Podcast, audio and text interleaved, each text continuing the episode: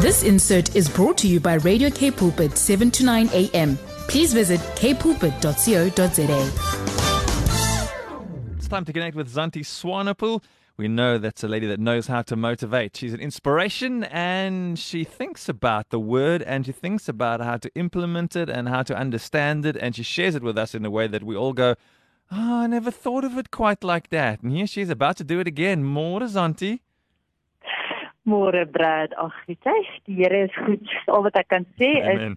ja, he gives us he gives us that insight and wisdom. It all comes from him. Mm. What's this, what's 'n storie het jy vir ons vandag and what other insight do you have Zanti?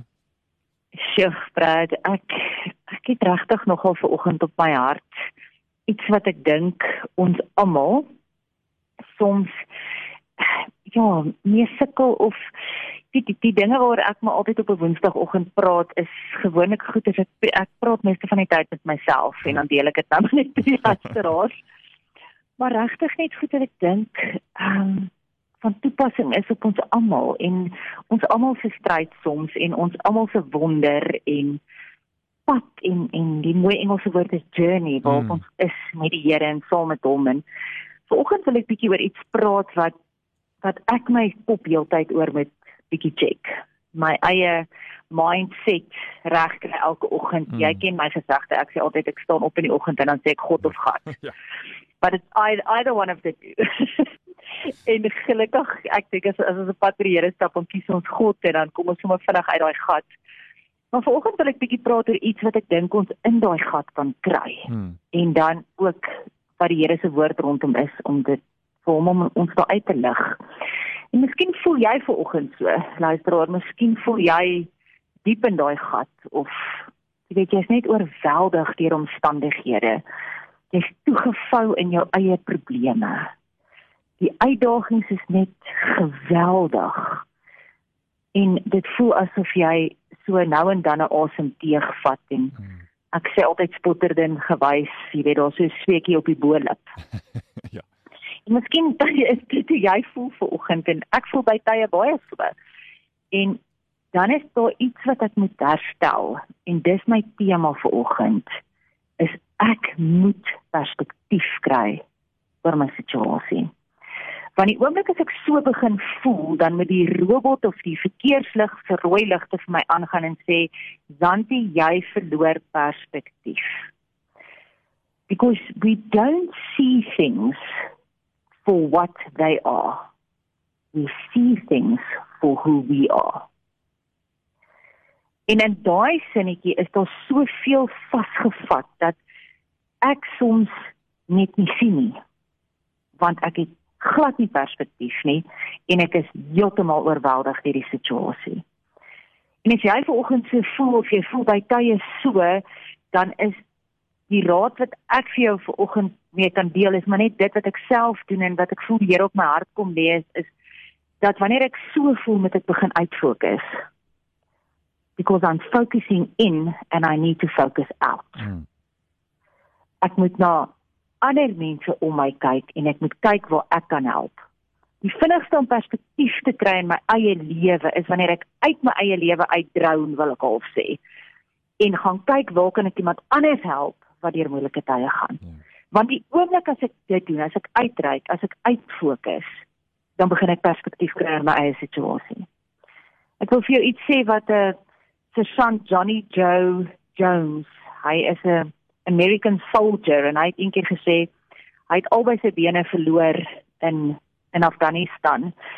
And I say, people ask how I stay so positive after losing both my legs. I simply ask how they stay so negative with theirs. Wow. Perspektief. So vir jou nog perspektief gee vir oggend. I met a person who was in a wheelchair. He related to a story how a person once asked if it was difficult to be confined to a wheelchair. The man responded, I am not confined to my wheelchair, sir. I am liberated by it. If it wasn't for my wheelchair, I would be bedbound and never able to leave my room or house. perspektief.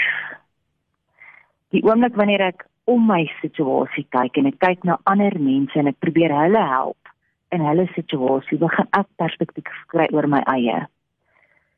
En soms voel jy jy gaan deur 'n tyd nou wat jy vasgevang is in jou eie metaforiese rolstoel. Jy sit vasgevang, dan wil ek vir jou sê let that situation also liberate you. Want ten minste kan 'n rolstoel beweeg. En hy kan jou saamvat en mag Jesus daai rolstoel, mag die Heilige Gees dit vir jou wees vanoggend om te sê that you are not confined to that wheelchair it is actually liberating you. Ek wil vir jou sê dat wanneer ek en jy in hierdie moeilike situasies is, dan dan gaan ons mense om ons moet begin omgee. Want dis al hoe ek perspektief gaan kry. Ja. Ek gaan nie perspektief kry deur verder in my eie situasie vasgevang te word en dieper in hierdie gat af te sak nie. Ek gaan net perspektief kry deur uit te reik na ander mense en hulle te help. In Matteus 7:12 staan daar, "So in everything Do to others what you would have them do to you, for this sums up the law and the prophets. Markus 12 vers 31 wat sê the second is this love your neighbor as yourself there is no commandment greater than this. Hmm. In Thessalonians 5 vers 15 sê always try to do good to each other and to all people dis my my go-to as ek oorweldig is deur my eie omstandighede, as ek my eie perspektief verloor, is om te gaan kyk hoe kan ek mense om my help? Hoe kan ek die fokus van my afhaal? Iemand anders gaan help en dan kry ek ewe skielik soveel perspektief. Dan kom ek agter maar miskien is my probleem nie so groot as wat ek gedink het nie. Want daar's soveel mense om my met soveel groter uitdagings.